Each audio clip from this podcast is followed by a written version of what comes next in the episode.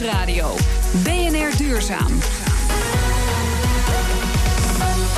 Harm Edens. In 2023 moet 16% van alle energie in Nederland duurzaam zijn. En tot nu toe speelt windenergie daar een belangrijke rol in. Maar er zijn een hoop problemen van uiteenlopende aard. Tijd voor een goed gesprek met hoogleraar windenergie aan de TU Delft, Gerard van Bussel. Gerard, zullen we met de harde feiten beginnen? Ooit was bedacht 6000 megawatt wind op land en ook 6000 op zee.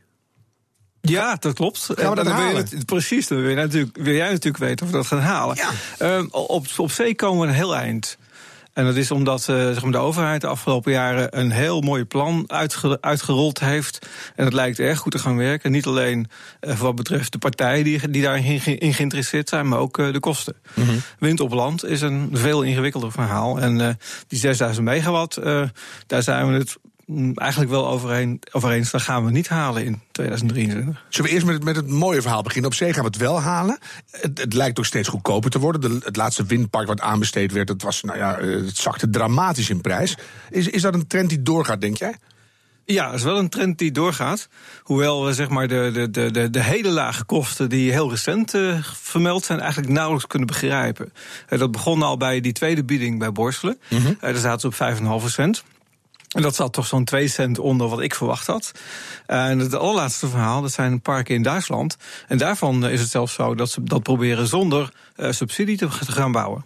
Ja, dat moet toch, dat moet toch lukken, zou je zeggen? Eh, ja, nee, ja, op termijn natuurlijk wel. Hè. Het, is, het is wel zo dat als je de voorspellingen gaat maken, dan zien we allemaal wel dat ergens rond 2025, zeg maar, eh, die kosten ongeveer eh, gelijk moeten zijn aan de productie van energie uit fossiele brandstof. Ja, dus dat maar weten al, we dan maar al? dat het al zo snel ging, dat had eigenlijk niemand verwacht. Ja, dat gaan wij gewoon nog meemaken.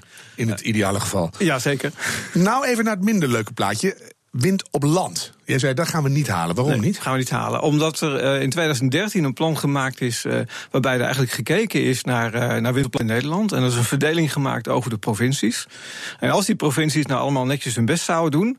En als zeg maar de, de inspraak die we hebben met, de- met de bewoners. ook op een goede manier zou lopen. dan zouden we dat halen. Want dat is de kern van het probleem. hè. Heel veel mensen vinden het allemaal prachtig, maar niet in hun eigen achtertuin. Daar komt het vaak op neer. Ja, ik heb toen al gezegd in 2013, je moet eigenlijk gewoon minstens 1500 megawatt extra plannen. Omdat je ervan uit moet gaan dat een deel van die plannen toch niet gerealiseerd gaan worden. En dat zie je nu gebeuren. En eh, we zitten nu op een ongeveer 3000 megawatt. Ehm, met zes jaar erbij gaan we niet nog 3000 megawatt neerzetten. En, en los van die achtertuinen, hè, zijn er nog andere redenen waarom het op land steeds lastiger wordt? Eh, ja, eh, eh, ze worden steeds groter. En steeds groter betekent ook een steeds grotere achtertuin. Met andere woorden, je ziet ze steeds beter. Ja, en dan wordt het wel steeds lastiger. Meer lawaai ook. Dat valt eigenlijk wel mee. Het, is, het is toch voornamelijk zeg maar, het zicht op die windturbines. Kijk, als je er vlakbij woont, en dan heb ik het over 300, 400 meter afstand. Ja, dan is het inderdaad zo dat je ze goed hoort. Maar woon je wat verder weg, dan, dan is dat eigenlijk geen probleem meer. Dus je dichtbij ze niet, maar dan hoor je ze goed. Ja. En als je ver weg woont, hoor je ze niet, maar dan zie je ze des te Ja, beter. ja, tenzij je dus zeg maar in een schap eh, zit waar, eh, waar heel veel afwisseling is, dan, Ja. eh, dan, dan, dan, valt het wel mee. Of dat je, als je blind bent of doof. Ja, nou ja, goed. Maar we hebben alle twee iets om de achterhoek. Daar hadden we het net over. Hè, er, er zijn, er zijn ook parken in de achterhoek. En ik ben gisteravond nog een rondje gereden daar. En ja, af en toe zie je ze, maar meestal niet. Hè, omdat het zo'n mooi coulisselandschap is. Ja, maar soms zie je ze ook heel goed. Maar ja, Soms zie misschien moeten we eraan wennen. Nou, noemde jij net, het- per provincie verschilt het een beetje. Hè? Wie, wie er goed zijn best doet en wie niet. Mhm. Wat is nou bijvoorbeeld een hele goede provincie? Dat je zegt, petje af provincie. Nou, Flevoland is natuurlijk eh, het voorbeeld hè, voor Nederland. Ja, daar is ook niks te verwoesten bijna, Nee. zou je zeggen. Nee, en ook Groningen gaat behoorlijk goed. Staan en dat is dan met name zeg maar, dat gebied rond, rond Eemshaven... waar Ja, ja. eh, veel eh, gezet is en nog meer bij, meer bij kan. Staan die dingen daar stevig in verband met de aardbeving? En die staan daar hartstikke goed. Nou, dat dat zijn de twee goede provincies. Dan moeten we ook even de wat slechtere noemen. En misschien ook maar de allerslechtste. Wat is nou een provincie waarvan je zegt, nou ja, shame on you, provincie? Nou ja, eh, Noord-Holland is notoire. Hè? Dat, dat heeft alles te maken met zeg maar, de politiek in de provincie. Eh, Amsterdam wil heel erg graag. En dat is toch wel een stukje Noord-Holland, maar de rest wil niet mee. En je kan niet de doelstelling voor eh, Noord-Holland helaas helemaal in Amsterdam halen. Nee, dat lijkt me ook niet. Nou, nou heb je één en één wordt vaak meer. Je zegt eh, op land wordt steeds moeilijker, op zee steeds goedkoper. Ik zou zeggen, hou op met op land, we doen alles op zee. Ja, dat kan. Maar dan nog, als je zeg maar, naar de doelstellingen gaat kijken, dan is het zo dat we zeker in Nederland zowel wind op land als wind op zee nog een aantal jaren door moeten zetten. Maar waarom niet gewoon alles op zee? Eh, omdat we dan eh, in plaats van, van, van, van die 12.000 megawatt nog niet eens meer dan 7.000 megawatt gaan halen. Omdat um, wind op zee kan wel. Wind op zee wordt ook steeds goedkoper. Mhm. Maar wind op zee kan je ook niet van vandaag op morgen doen. Hè. Die, die, die, die, die plannen die er nu zijn, Ja. die zijn zodanig dat in 2019 het eerste park van 700 megawatt wordt neergezet. En dan 2020 weer zeven- ze- 700, 2021, et cetera, et cetera. Maar dan kan je niet versnellen. Dat kan je heel moeilijk versnellen. Waar ligt dat aan? Oh, nou, aan allerlei dingen. Aan het feit dat je natuurlijk gewoon ook eh, die turbines moet bouwen. Je moet eh, de havens hebben om de logistiek zeg maar, te organiseren. De capaciteit hebben we niet. Inderdaad. En dan is er nog een probleem, dacht ik. En dat het specifieke personeel dat je nodig hebt voor wind op zee is ook op. Ja, dat, is ook, eh, dat beginnen we nu al te merken. Eh, en nu is dat nog voornamelijk zeg maar, eh, mensen die je nodig hebt om te installeren, om de, de kabels neer te leggen, om de funderingen neer te zetten, et cetera, om die schepen te bemannen. Maar op de wat langere termijn is het eigenlijk veel, veel beroerder nog. Want die parken die we gaan neerzetten, die moet je onderhouden. En het voordeel van dat werk, dat is permanente werkgelegenheid. Ja. En dat gaat dus echt spelen vanaf zeg maar 2019, 2020. Het verbaast me toch een beetje, want jij bent notabene hoogleraar aangaande deze materie. En dit zien we al jaren aankomen. Dan weet je toch dat je mensen nodig hebt. Ja, ja, dat weten we. En ik zeg het ook al jaren. Maar op de een of andere manier is het erg moeilijk eh, om, zeker in Nederland, zeg maar, met name in het MBO, dat verhaal duidelijk te krijgen. Van jongens, windenergie in Nederland is echt belangrijk. Gaat heel veel opleveren. Mensen En gaan nog steeds liever aan auto's prutsen dan aan windmolens. ja, het is kennelijk nog steeds erg moeilijk om tegen je kinderen te zeggen. En misschien als die kinderen thuis pra- praten van. Ja, weet je wel zeker dat je in de windenergie gaat? Is daar wel werkgelegenheid? Wel degelijk. Wij verwachten echt zeg maar, dat de komende jaren daar een vraag komt. als die doelstellingen gehaald worden van 10.000 nieuwe banen. Zo. En je, hoort, en je hoort ook wel eens getallen van 30.000. eh, maar dat is dan zeg maar, dat noem ik dan verschuiving van werkgelegenheid. Hè. Dat is ook prima. Dat zijn mensen die uit de olie en gas komen en naar wind gaan. Maar, da- beter. maar daarnaast hebben we dus ook echt 10.000 nieuwe banen. En tussen de vluchtelingen, want dat zijn heel vaak ook hoger opgeleide Syriërs. Zit daar niet wat tussen? Heel interessant. Ze hebben vorig jaar in Duitsland eh, daar inderdaad een pilot mee gedaan. Hebben ze twintig mensen gehaald en die hebben ze opgeleid. En die werken nou aan de Duitse Kijk. offshore windparken. Dat is nou fijn. Nou, eh, hebben ze in Flevoland nog iets heel anders gedaan, waardoor de provincie misschien nog een treetje hoger stijgt. Ze hebben een grote batterij geïnstalleerd pas geleden in een proefopstelling om windenergie die over was op te slaan. Ja, Wat dat vond je is, ik vind dat hartstikke leuk als onderzoeksproject. En daar gaan we ook ongetwijfeld veel van leren. Mhm. Maar je moet je wel realiseren dat eh, wat je in die batterij maximaal kan opslaan, dat is net zoveel als dat zo'n molen in een uur of twee uur produceert. Het is echt een soort proefopstelling voor de langere termijn. Waar, waar, waar ik aan denk, is veel meer aan zeg maar, het transporteren van elektriciteit. En Dat kan je vrij gemakkelijk transporteren. En ehm, het aardige is dat als je eh, naar heel Europa gaat kijken, dus op schaal van, van 1500, 2000 kilometer, eh, daar zit altijd wel een depressie, zeg maar. Dus die windenergie is er wel. Die moet je alleen transporteren van de plek waar die gemaakt wordt naar de plek waar die wordt gebruikt. Zonder dat je hem dan weer verliest. Nou ja, en nou, dat kan heel goed. Je kunt elektriciteit heel goed eh, zeg maar, transporteren met weinig verliezen. Dat kan tegenwoordig al, want Ja. dat hoor je altijd. Ja, de kan. weerstanden zijn te groot, dus dan ben je Nee, kwijt. maar dat kan wel, want we hebben nu al kabels naar Noorwegen en kabels naar, eh, naar, en naar Engeland inmiddels ook. Mhm. En daar wordt al getransporteerd. Alleen dat moet zeg maar veel meer gebeuren. Dus die, daar moeten er meer kabels bij komen. En dan de mobiele molens, want dan hoor je ook dat er nu vliegers omhoog gaan en van allerlei hippe dingen aan het ontstaan zijn. Waardoor die hele discussie van niet in mijn achtertuin eh, op termijn gewoon verdwijnt. Ja, dat, dat weet ik nog niet. Eh, Dat is eigenlijk nog te vroeg voor. Eh, In Delft, hè, waar, waar, ik, eh, waar ik werk, Mhm. daar hebben we inderdaad ook een spin-off. En die kijkt naar het gebruik van kitevliegers, zeg maar, om eh, energie te maken. Dat is hartstikke leuk. Eh, ze konden nu 20 kilowatt maken. We hebben, vorige week hebben we een grondstation geïnstalleerd van 100 kilowatt.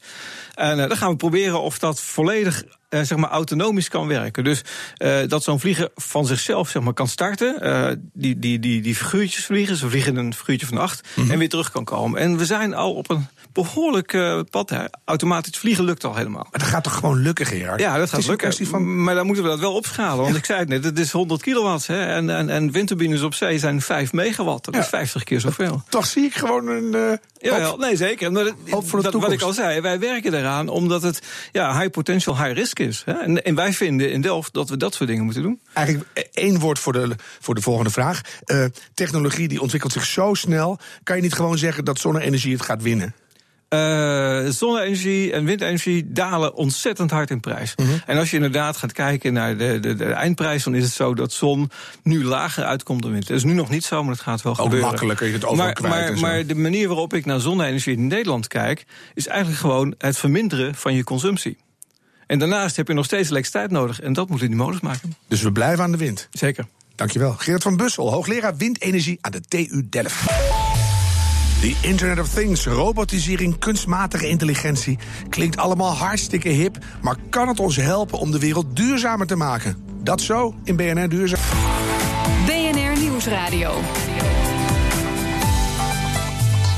BNR Duurzaam. Internet of Things, kunstmatige intelligentie, robotisering, allemaal spannende buzzwords. Maar hebben we er iets aan in onze strijd voor een betere toekomst? Marga Hoek, duurzaam onderneemster en Sustainable Development Goal expert, denkt dat technologie ons zeker verder kan brengen. Absoluut. Gaat een heel grote invloed hebben. Ja, hè? Je, knikt er ook bij alsof ik het bijna geloof. Is dat ook de, de reden waarom jij bestuurslid van Green IT Amsterdam bent geworden? Ja, absoluut. Want er zijn zeg maar twee domeinen enorm van invloed hoe snel we die eh, goals kunnen realiseren. Aan de ene kant is dat kapitaal. Nou, daar hebben we het al een aantal keren over gehad. Oh, geld, geld, geld. En uit, uiteraard. Mhm. En aan de andere kant is dat ICT en technology dat een enorme versnelling kan realiseren. Wat doet Green IT in kort? Die eh, zijn ontstaan eh, vanuit de, de datacenters in Amsterdam. En die jagen de energietransitie in de regio Amsterdam aan door de toepassing van ICT-oplossingen. Nou hebben we die Sustainable Development Goals, de werelddoelen in goed Nederlands. Die zeggen dat we ongeveer nog 15 jaar de tijd hebben om de wereld echt systematisch beter te maken. Hoe gaat in, in zijn algemeenheid ICT ons daarbij helpen? Nou, eigenlijk moet je het zo zien dat de hele eh, sector eh, ICT eigenlijk moet repurposen. Dus aanvankelijk was eh, techniek eigenlijk het doel. En dat doel moet echt gaan verschuiven naar op- oplossingen die bijdragen aan die doelen. En dat is eh, goed voor de wereld, maar net zo goed voor die sector, want daar zit een enorme prijs aan vast. Dus een enorme economische winst zit daar aan vast. Maar noem eens een voorbeeld dan. Want je, je zou kunnen zeggen, eh, kan dat nu al? Of zijn het allemaal dingen waar, die je visionair moet benaderen? En dus zeggen van, nou, als we dat gaan doen, dan in, over tien jaar kunnen we, kunnen we een bijdrage Nou, heel veel. de- natuurlijk, er komen heel veel nieuwe eh, ICT-oplossingen bij. Maar nu zijn er al heel veel die een enorm belang hebben. Dus laten we er eens die, drie noemen. En, en beginnen bij eh, mo- mobiel internet. Dus eh, onze mobieltje, zeg maar. Nu zou je denken. ICT gaan we even bij langs. Ja. Mobiele communicatie. Wat- Mobiele communicatie. wat nou, hier denken wij van, we hebben allerlei oplossingen al op onze telefoon. Hè? Mhm. Maar het, het eerste doel eigenlijk, en het belangrijkste doel is... dat iedereen access tot een mobiele communicatie heeft überhaupt. En je zou denken, iedereen heeft dat, maar nog steeds... met name de ontwikkelingslanden ligt nog heel erg achter... en is begroot dat in 2020 nog steeds 40% van de mensen... überhaupt geen toegang heeft. Dus dat is doel nummer één. Iedereen moet toegang hebben tot die infrastructuur. Als men dat dan heeft, dan zijn er tal van nieuwe oplossingen die mensen, en ik focus nu even op de developing countries, want daar is het heel erg belangrijk voor, ehm, oplossingen eh, krijgen en toegang tot informatie. Nou, een, bijvoorbeeld een leuk initiatief is Farmerline. Dat is een bedrijf uit Ghana, ook zelf in zo'n land ontstaan, die de smallholder farmers, dus de, boer, de Kleine kleine boeren. boeren hè, in de ontwikkelingslanden, toegang geven tot informatie die voor hen cruciaal is. Dus hoe wordt het weer? Is er een stormopkomst? Hoe eh, kan ik toegang krijgen tot kapitaal? Eh, hoe moet ik efficiënter eh, landbouw bedrijven, et cetera?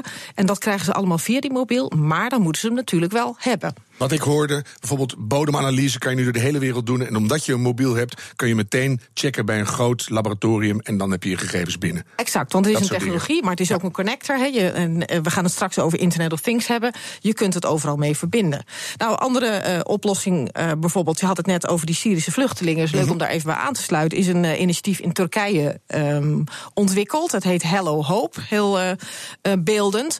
En die zorgen eigenlijk dat de vluchtelingen uit Syrië op hun telefoon toegang hebben tot allerlei informatie, waardoor men gewoon sneller kan integreren. Dus taal, je kunt inspreken en dan wordt je zin direct vertaald. En is het dan Waar beter voor het klimaat, uiteindelijk? Et cetera. Ehm, nou, ik weet niet zozeer of dit beter is voor het klimaat. Dit is vooral om sociale ongelijkheid op te lossen. om mensen te uiteindelijk is laten dat weer beter voor het klimaat en ja. uiteindelijk heeft het altijd wel een samenhang, maar we hebben meer doelen dan alleen het klimaat. Zullen we naar de tweede sector, robotisering en kunstmatige intelligentie? Ja, die robots die gaan eh, eh, steeds eh humanere eh, trekken vertonen eigenlijk. Hè. We zijn nu eigenlijk de robots aan het vermenselijken, zou je kunnen zeggen. eh, dankzij biomimicry. Ofwel het baseren van de lessen op de natuur. En we gaan steeds verder om robots te ontwikkelen die een directe bijdrage leveren. Dus je had het net over klimaat. We hebben bijvoorbeeld de eh Roboctopus. Dat is wel heel interessant om te noemen. Dat Klinkt is een robot die is gebaseerd op een inktvis. Ja, en wat Want kan die? Een inktvis, nou wat een inktvis kan. Hè? Dus hij kan overal eh, samengeperst worden en tussen de rotsen en tussen het koraal, waar een normale robot de boel zou beschadigen. En deze doet dat niet. Hij is flexibel en kan daardoor op plekken onderzoek doen naar klimaatverandering, waar normale robots niet bij kunnen, bijvoorbeeld. Hebben we ook nog robots in de huiselijke sfeer die ons nog iets bijdragen aan, aan ons klimaat? We hebben het tal van robots die, eh, en, en vooral technologieën die ons gedrag natuurlijk qua water, qua energie eh, enzovoort eh, eh, meten en laten zien. En die, die kennen we allemaal, die zijn hier dicht bij huis. Belangrijker is dat we robots hebben die oplossingen gaan opschalen. Want daar hebben we het eerder over gehad. Waardoor dingen ook echt schaal krijgen. En het moet niet allemaal kleine, leuke dingen, aaibare dingen zijn. Maar er moet impact hebben. En bijvoorbeeld hebben we in Duitsland de Robot Pig de robot varken, om het zo maar te zeggen, die op hele grote schaal slip kan drogen via zonne-energie. Die Kijk. zit in die robot zelf. Eindelijk is een varken wat iets bijdraagt aan het klimaat. Dan Ik heb je- wist dat je hierom zou lachen. Dan heb je de laatste sector, de Internet of Things. En het mooie is, je hebt iemand meegenomen van een start-up die jij begeleidt. Absoluut. Wie is dat en hoe lang ken je hem al? Nou, het voelt alsof we elkaar heel lang kennen, maar dat is nog heel kort. Dat is eh, eh, ruim twee maanden. En eh, vanuit Business for Good heb ik hem begeleid om een start-up te doen vanuit Conclusion, maar dan een zelfstandig bedrijf, Conclusion Connect. En daar maken we de overstap naar Joost Blatter, medeoprichter van Conclusion Connect. Ja. En, en jij bent met Internet of Things bezig, Joost, klopt? Ja, ja, ik ben met Internet of Things bezig. Althans, wij zijn met Internet of Things bezig. Wat doen jullie precies? Nou, wat Connect precies doet, is we zijn zeg maar een organisatie die kijkt naar. Kijk, Internet of Things, dan moet ik hem heel even uitleggen, is iets wat al heel lang in principe bestaat. We Iedereen zijn, zegt het, hè? Maar wat, Ja. wat is het nou precies? ja, je bent verbonden, eh, alle apparaten in de wereld zijn verbonden met internet. En die verzamelen heel veel data bij elkaar. En met die data kunnen we hele coole dingen doen. Ik denk altijd coole dingen. Mijn koelkast is dan eh, aan het praten met het internet en kan daardoor door de Russen worden gehackt. Ja, bijvoorbeeld. Wat, Dat heb- zou, eh, wat hebben we daaraan? Nou maar als je kijkt naar al die technologieën en al die Internet of Things dingen die er zijn, hebben wij gezegd van joh, Conclusion Connect, het bedrijf wat we opstarten, richten wij ons vooral op hoe kun je die technologie dusdanig inzetten. Eh, Zodat je je business value als bedrijf kan verbeteren. Maar uiteindelijk ook, dat was een longshot. Dus als je verder kijkt naar de sustainable goals.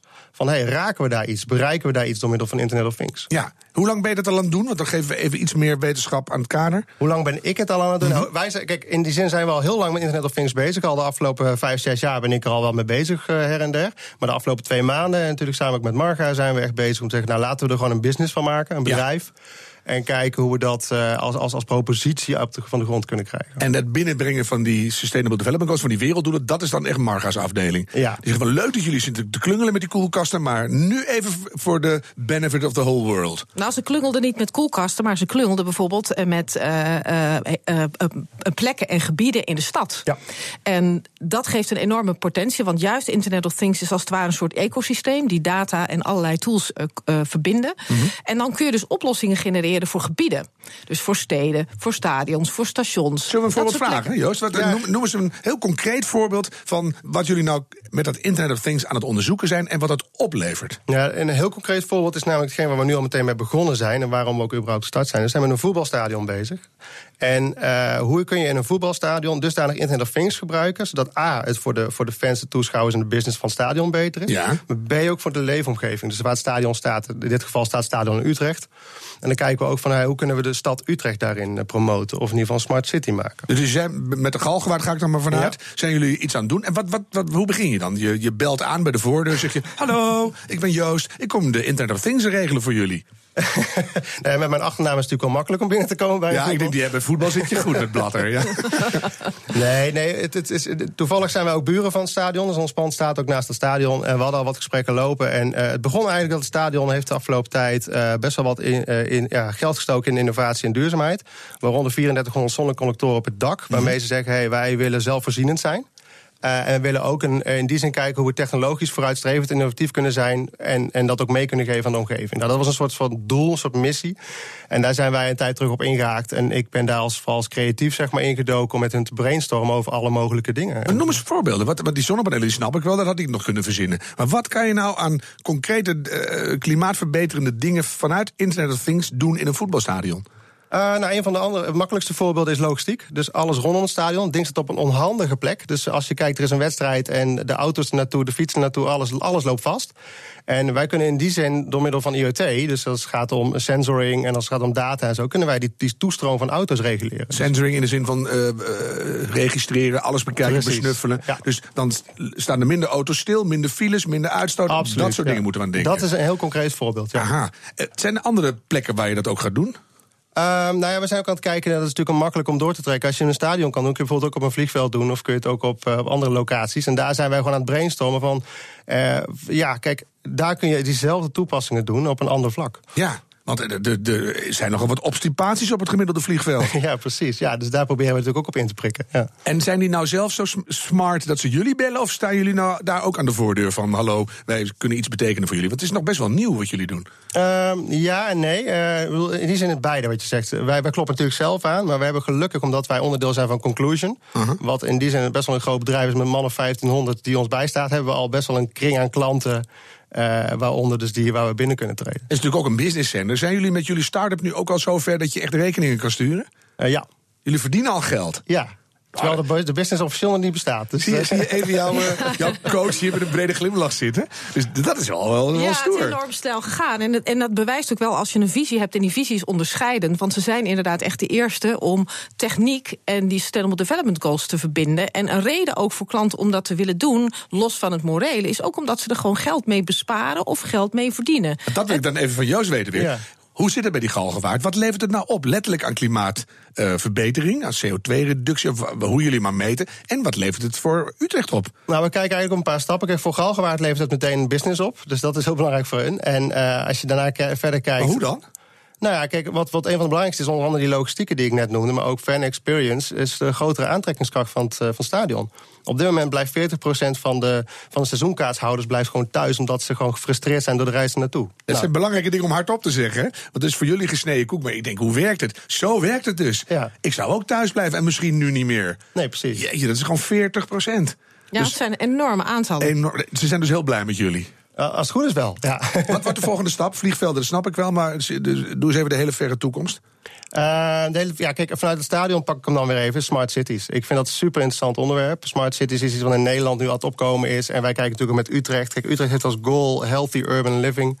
Uh, en, en wij zien dat stadion ook als een living lab eigenlijk voor dat, uh, voor dat doel. Levend laboratorium. Precies. Ja, ja en wat te denken van netwerken. Hè? Dus uh, IoT kun je gebruiken bij allerlei netwerken. Dus uh, de netwerkbedrijven in Nederland zijn beoogde klanten voor ons. Die zijn enorm interessant. IoT, water, Internet hè? of Things. Het detecteren van, van water bijvoorbeeld heeft enorme mogelijkheden om water te besparen. Ja. Om lekkages direct op te sporen. Al dat soort oplossingen zijn voorhanden. Dus in het heel groot gezegd, Internet of Things, zoveel mogelijk meten, zodat je de beste beslissingen kan nemen voor de toekomst.